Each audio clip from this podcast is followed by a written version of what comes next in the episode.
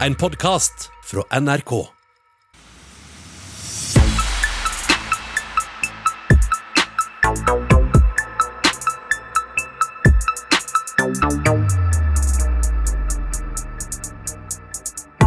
Legende, Nestor, gudfaren i norsk hiphop. Sjofaren som skal gjeste Røverradioen i dag, omtales på mange måter, men det er alltid de store orda som brukes. Velkommen skal du være til Røverradioen. I dag er det Tito, Bang. Daniel og Sahbi som er i studio er i Eidsberg fengsel. Og vi har jo også blitt omstalt med storord, men eh, stort sett av politi og aktor, da.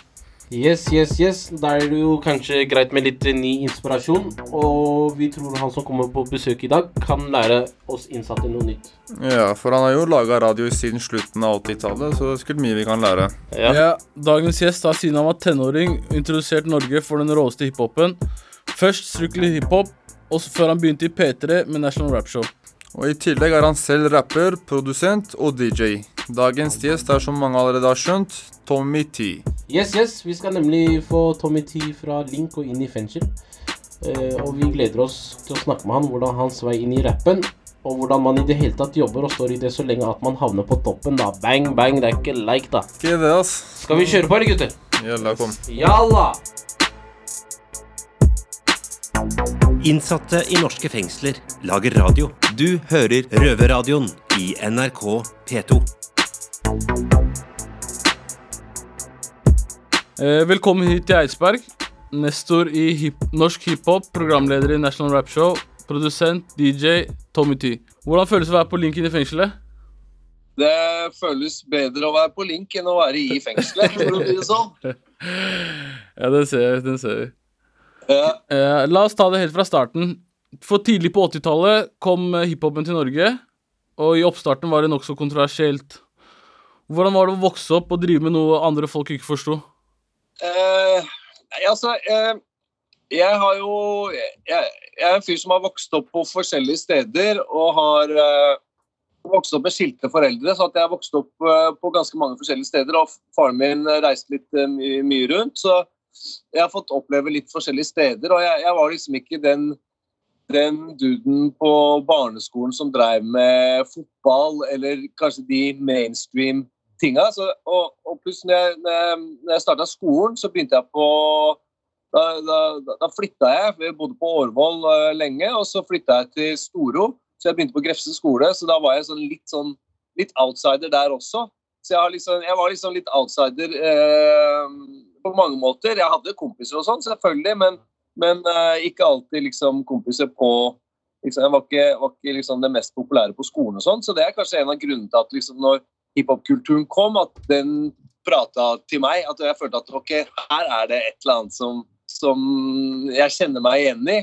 Så, så da jeg var involvert i, i hiphop-kulturen, så, så var det en slags antikultur, kan du si. Altså, det vil si, jeg begynte jo å breake og sånn. Det var sånn I 1985 så, så var det sånn Beat Street-filmen kom, og hele hiphop-kulturen kom som en sånn stor way. Og egentlig som en sånn motegreie. Som alle i gåseøynene gjorde. Så, så, og så etter et år eller to så forsvant det, sånn som jojo-trender og sånne trender gjør. ikke sant? Så skulle alle, alle rundt meg drive med noe annet. Og da var jeg fortsatt stuck i det hiphop-greiene. Det jeg ok, faen, er det, er det ferdig allerede? Nei, nå det begynner å bli kult. Og da, da, da, da var jeg voksen nok til å på en måte skjønne litt mer engelsk, skjønne litt mer av hva kulturen var. Hadde spraya mine første piser, liksom, var veldig opptatt av musikk, vokste opp med musikk. Så, så, så da ble det en sånn veldig sånn antigreie, og alle skulle hate på hiphop, og det var ikke noe kult lenger. og eh, Det var en tid hvor liksom graffiti-writere var veldig eh, sett, sett ned på samfunnet, og folk likte ikke de som gikk med hettegenser osv. Så, videre, og så, videre. så det var en sånn liten klikk i Oslo som drev med det, om det var kanskje 100 stykker eller noe sånt, jeg vet da faen, som drev aktivt med det. Eh, Så, så da var det en sånn anti- anti-greie. og det, det, det føltes greit, fordi jeg var sint eh, på den tida uansett. Jeg var sint ung mann. Så, så jeg føler at eh, det var bedre at jeg på en måte begynte med det, som i hvert fall var noe eh, konstruktivt. Istedenfor at jeg bare gikk rundt og tok ut sinnet mitt på sånn random ting, da. Mm. Som kunne vært hva som helst. Det var ikke så vanlig i det streite samfunnet i Norge da, som på den tiden. Var det viktig for deg å vise avstand til det etablerte? Ja, det var det. Det var det. Jeg, jeg har jo også liksom alltid vært eh, hatt mange politiske tanker og vært interessert liksom i ja, i, politikk, eller i samfunnet da, generelt. Og liksom ved et eller annet tidspunkt så så går det mer og mer opp for meg liksom, at uh, verden vi lever i, er uh, urettferdig og merkelig skrudd sammen. Og det er mange ting som man ikke som man kanskje har lært da man var veldig liten, som man skjønner etter hvert at de sannhetene stemmer kanskje ikke lenger.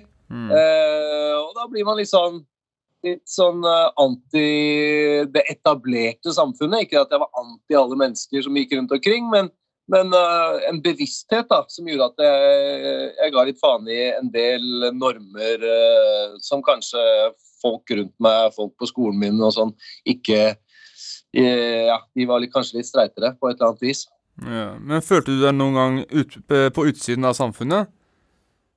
Ja, det føler jeg. Det føler jeg. Og, og også som writer, graffiti-writer i mange år, så da føler man seg i hvert fall på utsida av samfunnet, for det er jo en slags sånn Det er litt som å være kriminell, egentlig, som å være yrkeskriminell. At man liksom hele tiden man opparbeider seg en del sånn instinkter mm. som er, som er mm. Man prater ikke for mye med mennesker, man, man, man, man har et lite liksom Altså, det er bare noen få som man føler man kan prate med, som skjønner, skjønner greia. Mm. Og man, man, føler seg definitivt utafor samfunnet på et eller annet vis har, jeg føler ikke at det har, det har, vært skadelig Jeg føler at det har vært mer sunt, da, fordi da, da lærte jeg meg å tenke, tenke sjøl og tenke gjennom ting. Eh, sånne sannheter som vi hele tida blir servert i samfunnet. Så jeg, jeg prøver å tenke gjennom det heller, istedenfor å ta altfor god fisk. Ja, ja, men det er bra. Absolutt. Men uh, var du på, noen gang da på vei inn i det kriminelle miljøet? Ja, jeg kan jo ikke si at jeg ikke uh, har liksom da, da, var jeg liten, på en måte. Det var liksom Det var litt brekk og en tyv. Det har jeg alltid vært. Jeg ble tatt i å bøffe på Sten og Strøm da jeg var ni-ti år gammel, liksom. Så jeg har vært mye liksom Jeg begynte tidlig å henge i byen, da. Ja. Så, så nå drev jeg med radio siden jeg var 13. Og da, siden da så har jeg vært liksom i, i sentrum hver dag på en eller annen kapasitet. Og da møter man mye folk, og man, alle har lyst på penger, og gjerne litt kjapt. Og jeg ville kjøpe meg sampler, og jeg ville kjøpe meg musikkutstyr. Hadde liksom uh, tidlig en drøm om å, om å, gjøre ting innen musikk. Så, så da blei det noe brekk, kanskje, og jacking av noen automater og noen turer utabys og, og sånn. Men jeg, jeg, fant egentlig tidlig ut at jeg hadde ikke nerver til det, for å være helt ærlig. Ja. Du har ikke gitt på å dele noen røverhistorier, eller? Det meste er sikkert foreldra nå, er ikke det? Ja, det, alt det der er forelda for lenge siden. Nei, altså, det er enkle ting, men det er sånn uh, Men jeg vet faen, altså, det har vært noen uh, turer til Kjøben. Uh, plutselig, etter å ha spraya en piece midt på natta, så finner vi ut at vi skal dra til Kjøben. Så tar vi tar vi bussen ut til Fornebu og tar første fly til Kjøben. Begynner å knekke automater på tivoli inn på, på, på Kjøben der. Da var det masse knekking av automater. og det var liksom det var det, det, var det, jeg vokste opp med, da, som var den store, store greia, bortsett fra Brekke butikker. Ja. Så det ble noe knekking av automater der, og, og, det gikk jo for så vidt veldig fint, det. det er, eh, Bra tider, det. Det var en morsom tur, så det, det er en av mange.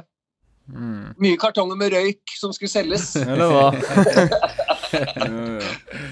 Men du har jo holdt på med det samme i dag som du gjorde da du var 15 år. Å jobbe med lidenskapen din er noe bare de fleste drømmer om. Og hvordan, hvordan klarer man det, liksom? Ja, det er et godt spørsmål. Det har jo vært liksom mange opp- og nedturer i, i liksom karrieren min, eller hva du skal kalle det. Så, så jeg har liksom eh, jeg har prøvd å eller måtte gjøre mange forskjellige ting egentlig for, for å få det til å gå rundt, da, sånn økonomisk. Eh, ved et eller annet tidspunkt så hoppa jeg av skolen eh, i, videregående. Da følte jeg at jeg hadde ikke tid til å gå på skolen lenger, fordi da satt vi oppe om, om natta og prøvde å lære oss å scratche og lage musikk, og, og var ute og spraya på veggen og på, på T-banevogner. Mm. Uh, så, så, så, det har vært så mange, mange ups and downs, egentlig. Liksom, begynte å lage litt mixtapes, begynte å hasle på forskjellige måter. Tjene penger på alle måter man kunne. Mm. Uh, litt her og litt der. Og så ved et eller annet tidspunkt så løsna det litt da jeg begynte å gi ut litt musikk. Uh, da løsna det litt. Da fikk man liksom litt fotfeste og liksom muligheten til å tjene litt penger og bygge studio og, og få det til å gå, gå rundt. Men det er ikke noe altså sånn Jeg er snart 50 år gammel, og det liksom, jeg har fire barn. og, og, og det, er liksom, det er jo enkelte sommerferier som ikke har vært så bra for unga, liksom. Ta trikken til Holmenkollen i sommerferien, og det det er liksom ferien til unga. Altså, sånn, nei, det er noen ganger man må samle, pante flasker og prøve å liksom ja, gjøre Jeg tror det handler litt om dedikasjon. da, Vil du det nok, så, liksom, så kan man gå igjennom de der bølgedalene som, som garantert kommer uansett, og haste seg gjennom det. Og så har man liksom Keep your eyes on the prize, så har du liksom den drømmen, du prøver å holde den ved like. Mm. Men har, du noen ganger bare tenkt liksom fuck it, bare starte på noe nytt, liksom? Noe Ja, annet enn rap, liksom? en, en del ganger. Noen ganger fordi jeg kanskje har liksom Fordi rappmusikk og hiphop-kultur har gått gjennom forskjellige typer faser. Sånn at jeg liksom enkelte ganger kanskje jeg liksom tenker at nå forandrer det seg. Eh, nå blir det noe annet enn det jeg vokste opp med. Nei, nå gidder jeg ikke mer, nå hopper jeg av, liksom. Så enten pga. sånne ting så har jeg vært litt sånn bølgedaler hvor jeg har blitt litt lei, mens eh, andre ting er at det er liksom Noen ganger har det rett og slett vært vanskelig å holde seg i live ved å tjene penger på det. Og da tenker man faen, eller skal man ikke bare gjøre noe annet som bare tjener penger, og man ikke trenger å drive med 18 timer i døgnet. Mm. Ja. Men eh, det har vært mye konflikter i rappmiljøer. Men eh, hvorfor, hvorfor tror du det er så viktig i hiphopen at det er eh, bråk rundt der? Eller med, med hverandre, da.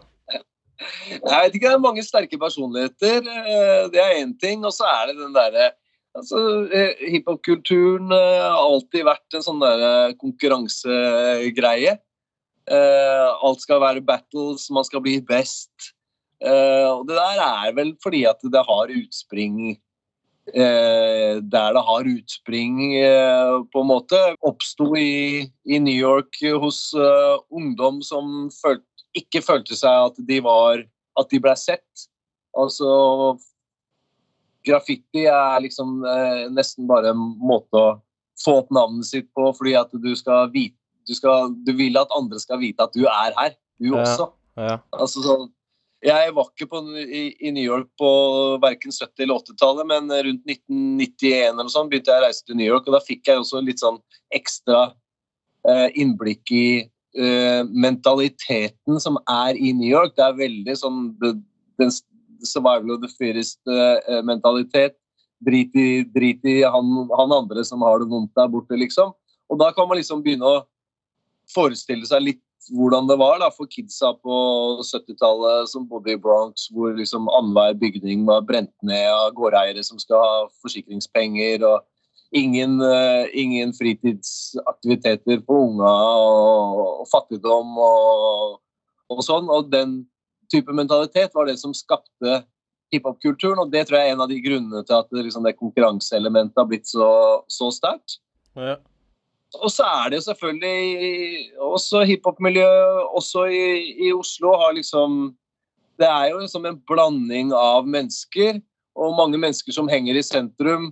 Eh, en del av de menneskene er halvkriminelle eller helkriminelle, og det er liksom et, kanskje et litt tøffere miljø enn eh, enn mainstream eh, Oslo.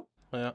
Iallfall da jeg vokste opp. Så da, da blir det jo lett at det blir litt bråk her og litt bråk der. men men når det er sagt, så føler jeg ikke at liksom, det har ikke vært noen sånn, hva skal jeg si, noen store, farlige konflikter, stort sett, da, i hiphop-miljøet i Oslo. Det har liksom begrensa seg litt grann til at en eller annen får litt bank eller blir pissa på eller altså, sånn, uh, sånne småting. Og så, og så heldigvis har det ikke liksom vært sånn veldig, veldig hett. Ja. Mens eh, selvfølgelig, eh, hvis du går litt sånn litt i eh, Hva skal jeg si I kanten av miljøet, liksom, hvor det er liksom andre, andre folk, kanskje folk som er mer kriminelle og enda mer gate enn det, enn, enn det vi var, så, så var det jo andre ting som skjedde, som jo var mindre hyggelig. Ja. Ja. Men det var mer gangstershit egentlig som gjorde det, Ja. vil jeg si. Ikke hiphop. Men uh, det er jo mange her på innsiden som er i samme type konflikter, så derfor lurer jeg på i ettertid Hva tenker du om å ha sånne konflikter eh, gående? Nei, Det er jævlig slitsomt. altså Akkurat det der som ble liksom kalt på den tida ble kalt hiphop-krigen, da. Som var liksom uh, mellom uh, ja, mine, mine gutter og meg, og, og liksom Christer Falk og klovner i kamp, og folk som egentlig ikke Det var helt Det hadde ingenting med noe De, kjente ingen eh, i noe hiphop-miljø, hvis du skjønner hva jeg mener. Så det var egentlig en sånn, litt sånn rar, rar greie. Men det ble en jævla slitsom ting, fordi at eh, det ble så mye skriveri i avisen og sånn om det på den tida der. Og da ble, var liksom vi, eller jeg, kanskje mest eh, den store, stygge ulven.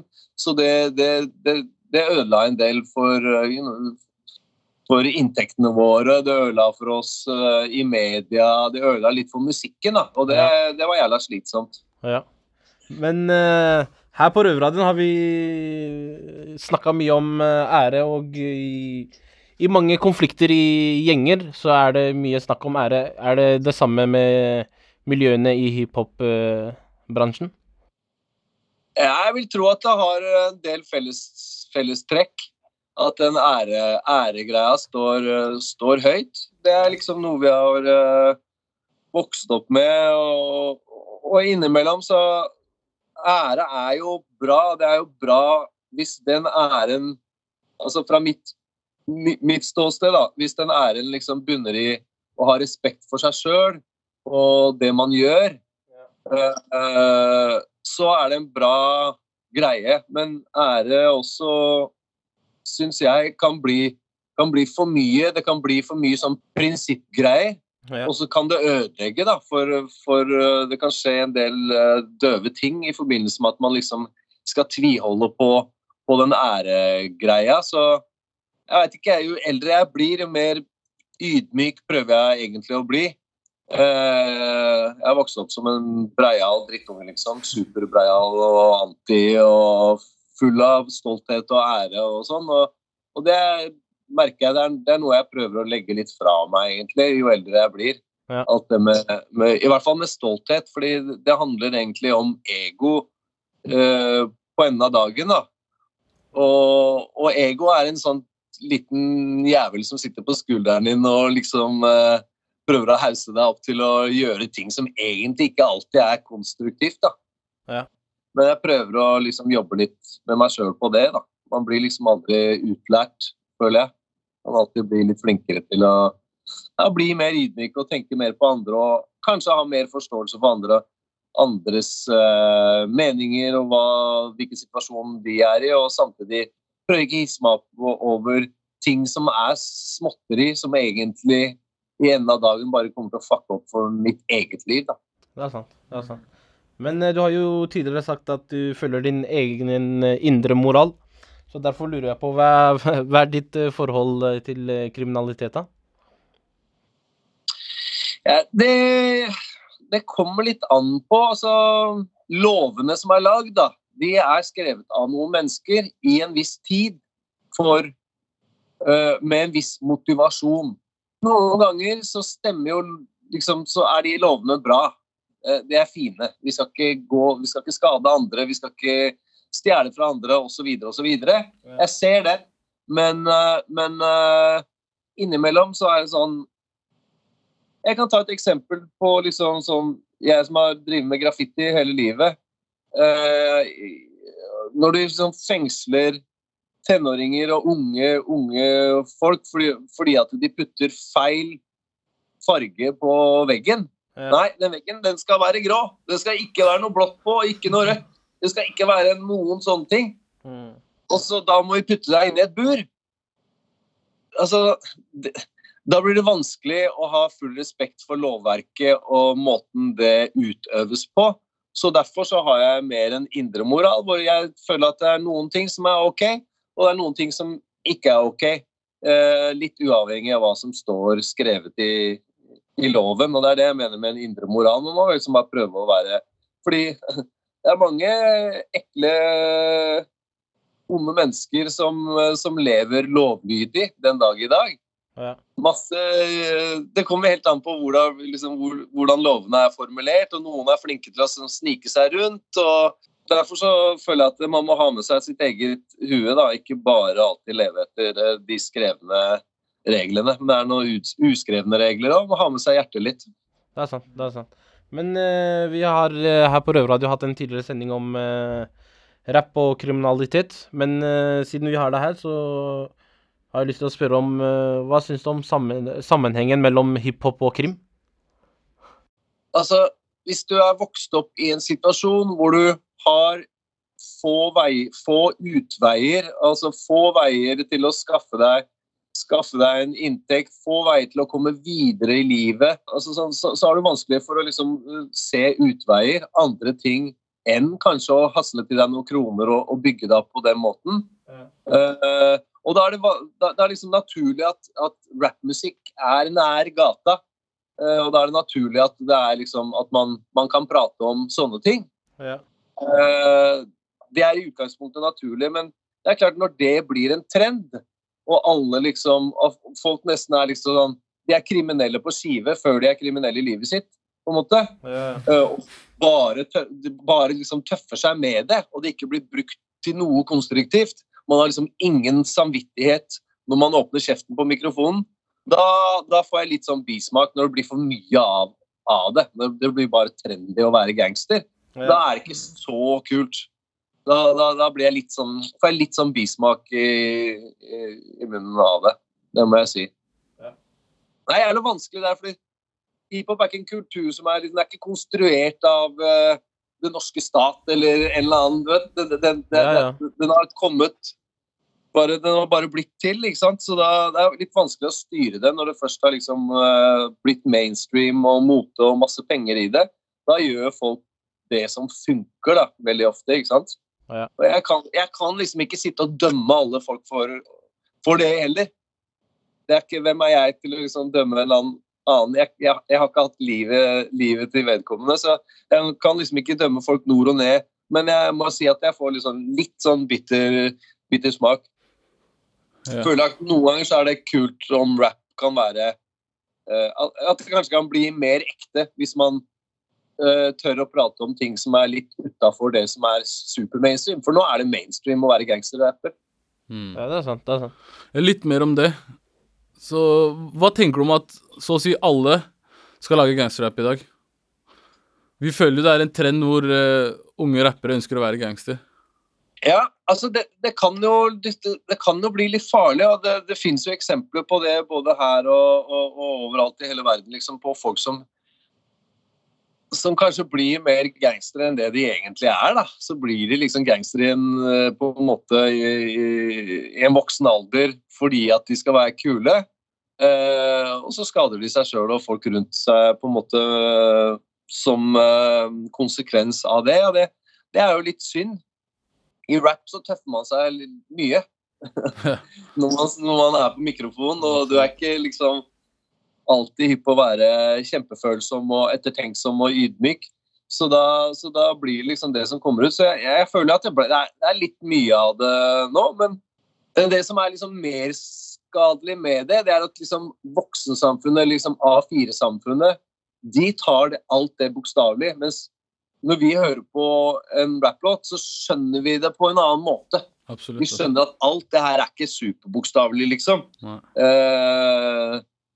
Skal ikke nevne så mange navn, sånn, men det, det, er, sant, det finnes jo masse gangsterrappere, til og med her på Berger, som, som De er jo ikke gangstere, de kjenner noen gangstere, og de henger rundt et par stykker som hasler litt, og noen som gjør ting. Mm. Men det er, ikke, det, det er jo sjelden at rapperen er den som er mest gangster. Og det gjelder i USA også. Ja, ja, Det er, det, er ikke, det er jo ikke de som er supergangstere. De, de har ikke tid til å drive og gå, og, gå inn i booten og rappe liksom, og bli flinke til det. Nei, de Selv om det er eksempler på det også. Men Ja. de aller fleste, da. Ja, det at uh, gangsterrap selger, det veit vi jo. Kanskje ikke like mye i Norge, men uh, her inne sitter det jo mange unge gangstere som drømmer om å bli hiphop-stjerner. Mm. Hva vil du si til de? Uh, nei, altså, jeg vil si som, som jeg For er- eller som jeg prøver liksom å si til de jeg har i studio, da, som er i samme situasjon, som er Jeg har jo folk i studio som er, eh, ja, som er, som er kriminelle også, men som har lyst til å, å, å dreie seg mer over på musikk og gjøre ting, ting som er lovlig. Jeg kan ikke sitte og sensurere hva folk skal si, men det jeg kan si til folk, er at eh, prøv å liksom Prøv å ta det litt videre på et eller annet vis. Ikke bare fortelle om våpen du har, eller hvor mye du selger, eller hvor mye, hva, hva du skal ha det, men kanskje liksom at man bare har med seg samvittigheten litt. Grann. Men altså, jeg mener ikke at folk skal sitte og liksom skal ikke være, altså, skal ikke være sånn fy-fy til alle som gjør sånn og sånn heller, liksom. Men man kan også fortelle om baksiden av medaljen, kanskje, da. Mm. Hvis man forteller om uh, alt det som er glossy og fett med, med, med å være gangster. Ellers så ljuger du egentlig til folk. Fordi alle som har vært litt inni uh, noe som har med krim å gjøre, skjønner at det er liksom det, er, det kan være en heavy bakside av medaljen. da. Mm. Det er, det er rett, yes. Men Det, eh, det er litt greit å få fram, så folk liksom skjønner Eller hører det fra noen eh, man kan tro på, da. Mm. Man blir jo fortalt det hele tida av mainstream-samfunnet og voksensamfunnet da man vokser opp, men du tror, det ikke, du tror ikke på det på samme måte som hvis du hører en rapper prate om det. da. Absolutt. absolutt. Men eh, National Workshop holder jo oss levende her inne, da, eh, oss innsatte. Det, det er jo dere som eh, oppdaterer oss på ny musikk. Så du skal, du skal ha for det. Du har publikum her, for å si det sånn. Tusen, tusen takk. Det er, det er, jeg får mange gode tilbakemeldinger fra, fra folk som sitter, og det, det er liksom uh, Det er fredagen vi, vi venter på. Det er, det er, det er drithyggelig. Altså. Det, det er vi supertakknemlige for. At, folk, eh, at, vi, at vi gjør en eller annen liten forskjell da, for, for folk. Det, det betyr jævlig mye. Det er stor motivasjon for, eh, for, for meg og resten av gutta. Ja, det betyr mye her inne, Altså. Du skulle bare visst. Sånn sett. Ja, det er, det er veldig veldig hyggelig. ass. Det der tar vi ikke for gitt, for å si det sånn. Nei, men eh, da får vi nesten bare takke for oss, og tusen takk for at du tok deg tid til å prate med oss. Og produsent, rapper, programleder, men først og fremst norsk hiphop-legende Tommy T. Jo, Tusen, tusen takk. Veldig hyggelig. Anytime. Yes. Ta vare, Tommy. Da var det. Takk, takk. I like måte, gutta. Ja. Innsatte i norske fengsler lager radio. Du hører Røverradioen i NRK P2.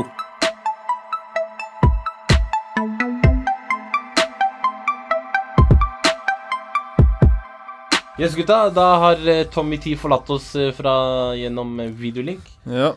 Har du noen tanker om noe av det Tommy T sa, eller? Nei, jeg syns det gikk bra. Det er bra, bra kar, mann. Ja. Han har mye, mye fornuftig informasjon. holdt jeg på å si. Det, det var produktivt intervju. Han, har jo, han holder jo liv i oss eh, her inne da, hver Han gjør fredag. det, ass. Han gjør virkelig det, ass. det er, han, skal ha, han skal ha for det. Ellers, hva skal du på cella, Sahbi? Bror, jeg skal gå chiller'n, se på en serie, Ja. og så lage litt mat etterpå, ikke sant. ja, men Det er koselig. Med deg, Daniel? Ja, ja, ja. Er det noen planer? Trening, mann. Mat. Samme gamle. Hva skal skje? Ferdig, er da, Bro. bror. Repeat, bror. Hele tida, bror. Og så skal jeg bare si shout-out til Ellingsrud og alle gutta. Ba, ba, ba. Ellingsrud-området. Alle dere der ute, bror. Dere kan høre oss eh, på P2 søndager 20.30. Og når du vil, hvor du vil, på podkast. Bao. Vi ses. Røverradioen er laget av innsatte i norske fengsler, tilrettelagt for streitinger av Klynge for NRK.